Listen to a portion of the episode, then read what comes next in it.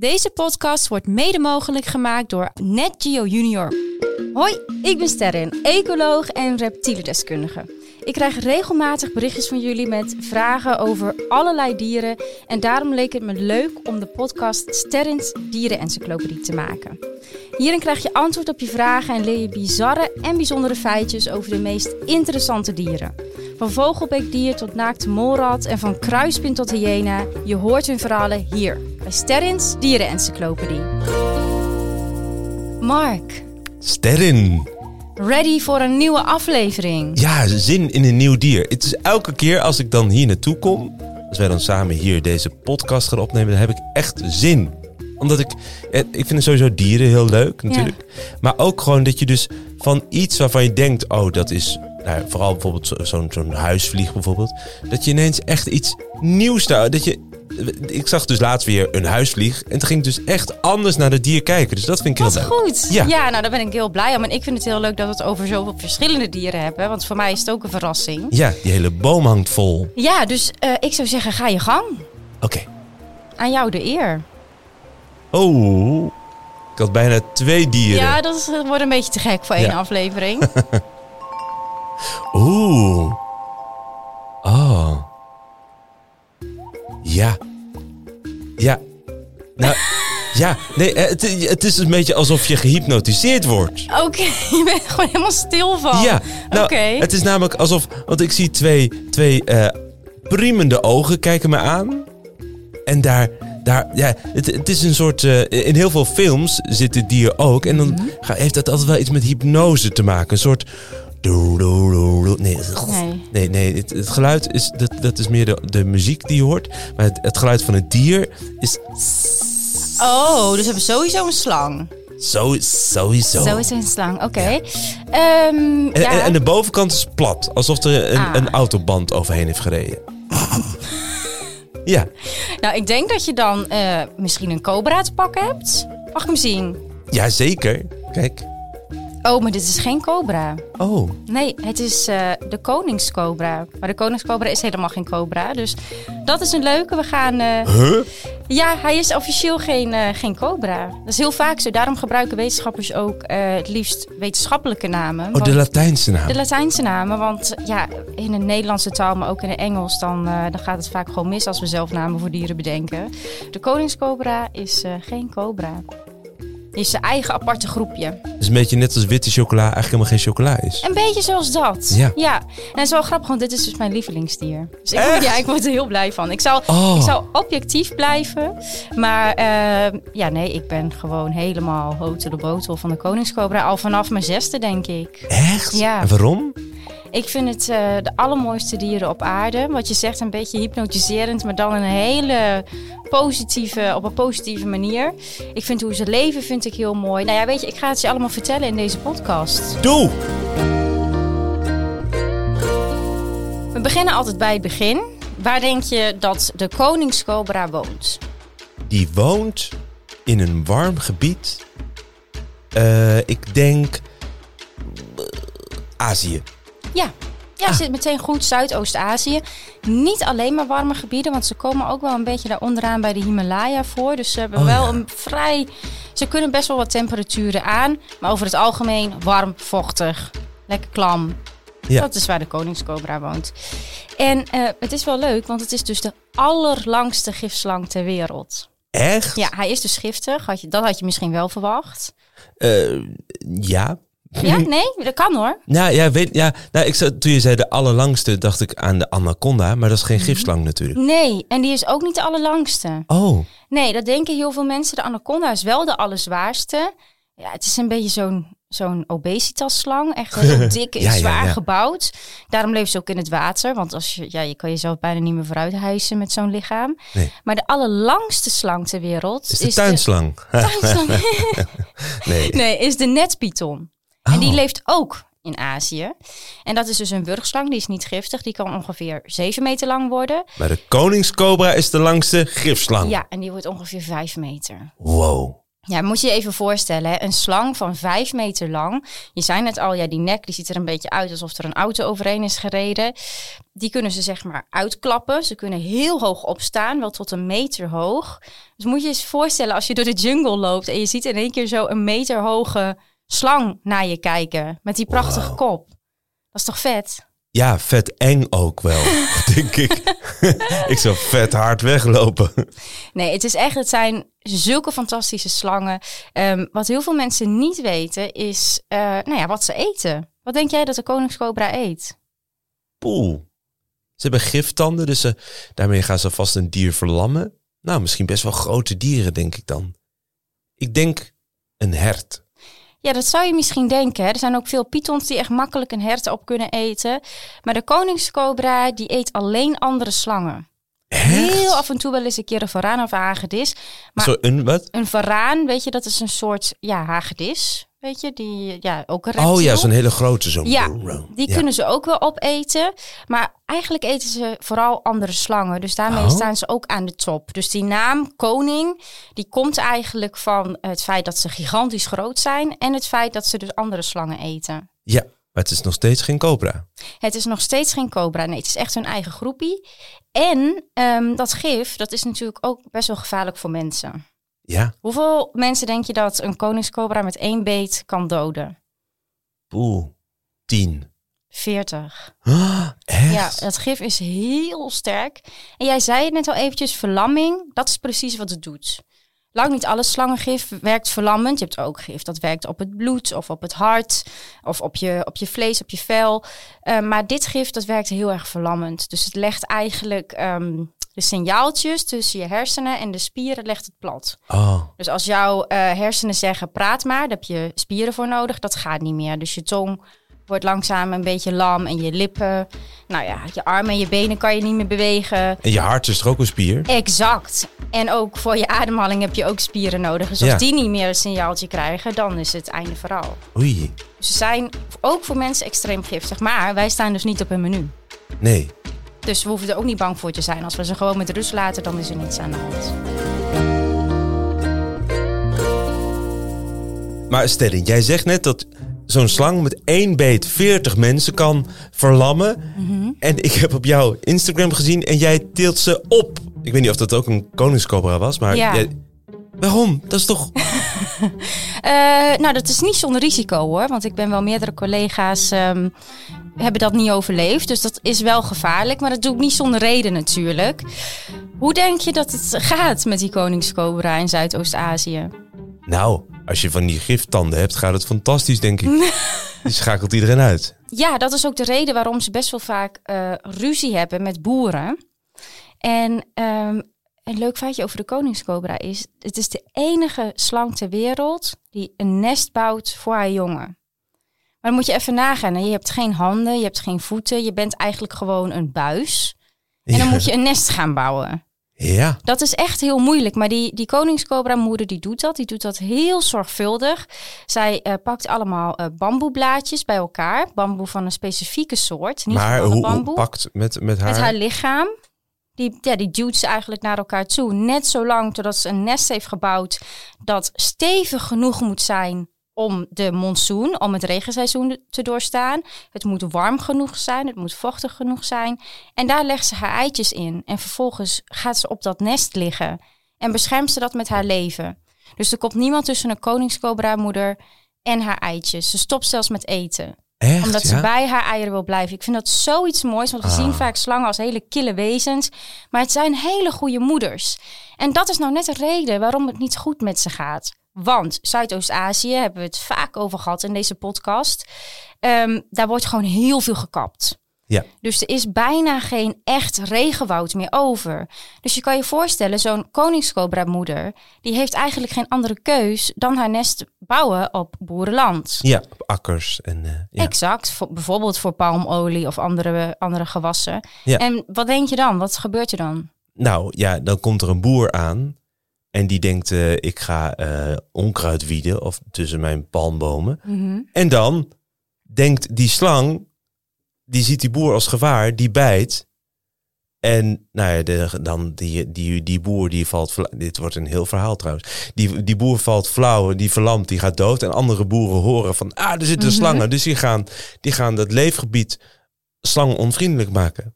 Ja, het leefgebied, maar er is ook heel vaak gewoon echt ruzie. Dus de boer die brengt dan een pistool mee, die gaat op de moeder schieten en vervolgens dan zetten ze het nest in brand.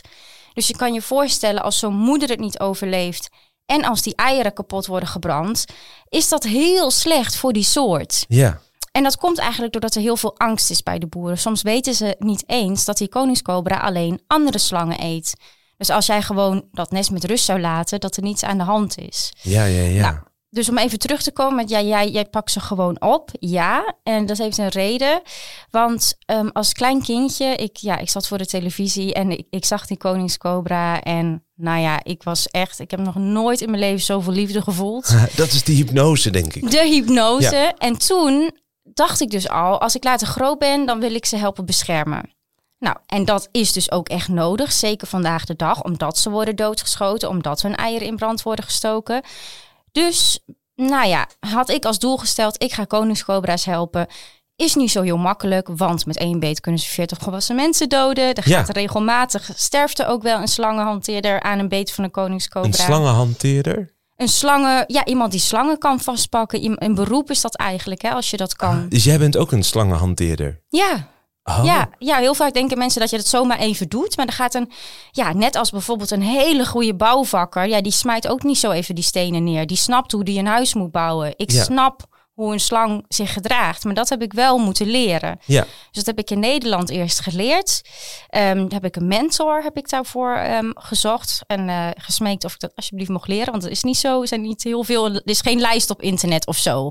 nee, Van, oh, geen bij mij- opleiding Nee. van eh, na, de, na de basisschool ga ik naar de slangenhanteer. Eh, Nee, nee. dat is er niet. Nee. Maar ik heb iemand gevonden die dat mij heeft geleerd.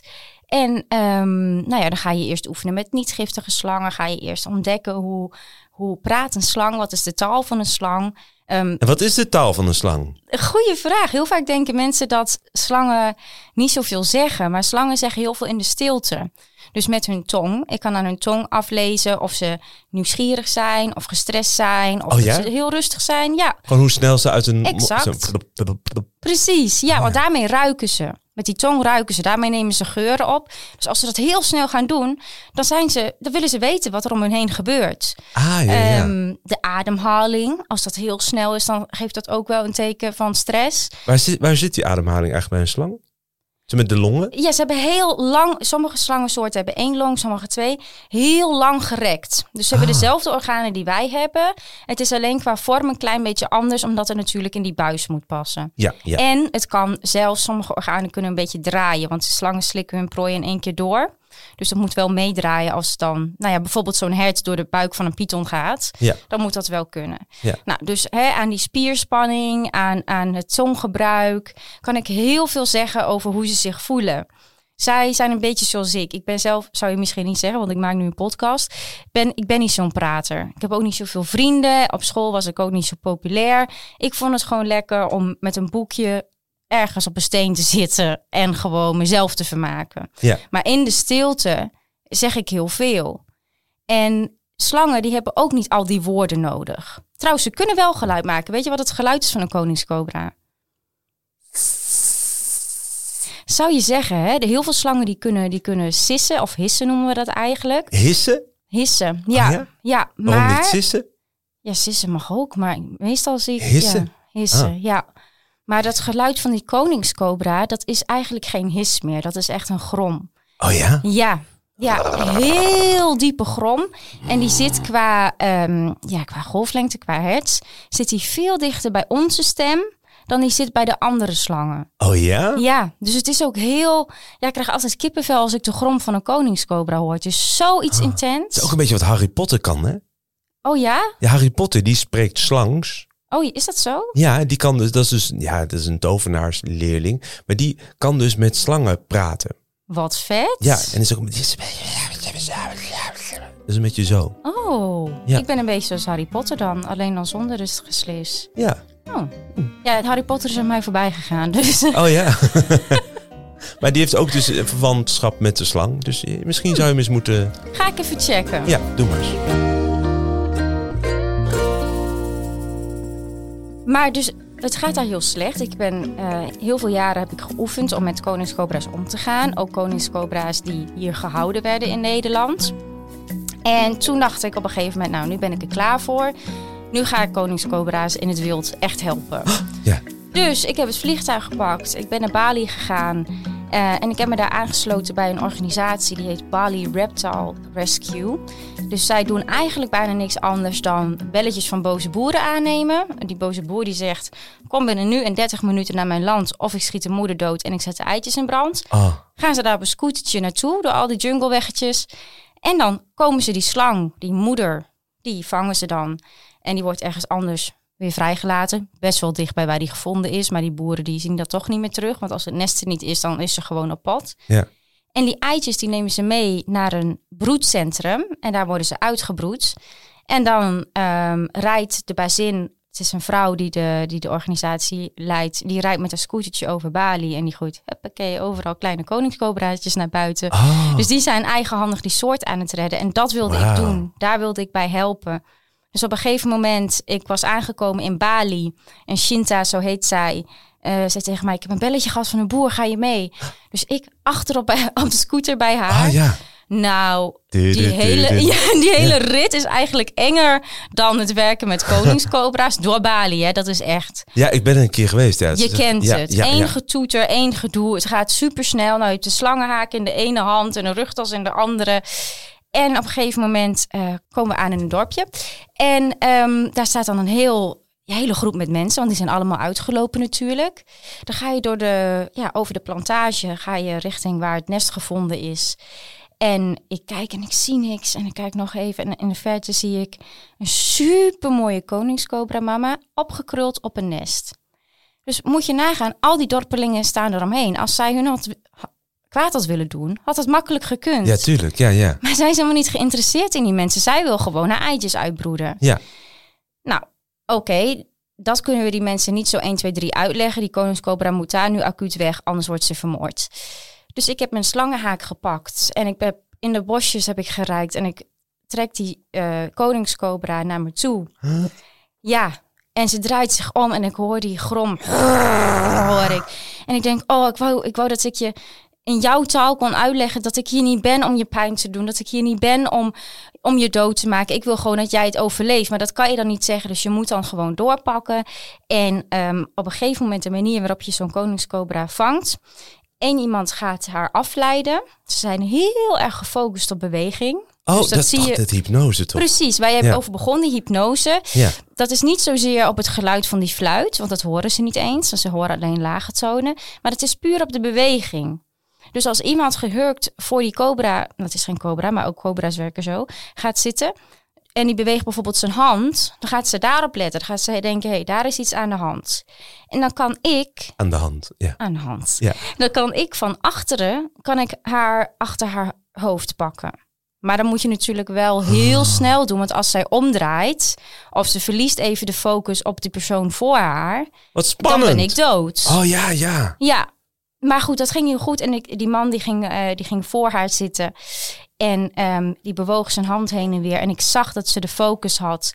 En ik vliegensvlug grijp ik haar achter haar hoofd en grijp ik haar vast. En heb ik die moeder in mijn handen en ik begin zo hard te huilen. Ah. Ja, en ik zei ook letterlijk, dit is het allermooiste moment van heel mijn leven. Zo gelukkig ben ik nog nooit geweest. En ik keek opzij en daar stond Shinta, dat vrouwtje van 1,50 die eigenhandig al die koningscobra's redt. Ja. Met haar duimen omhoog.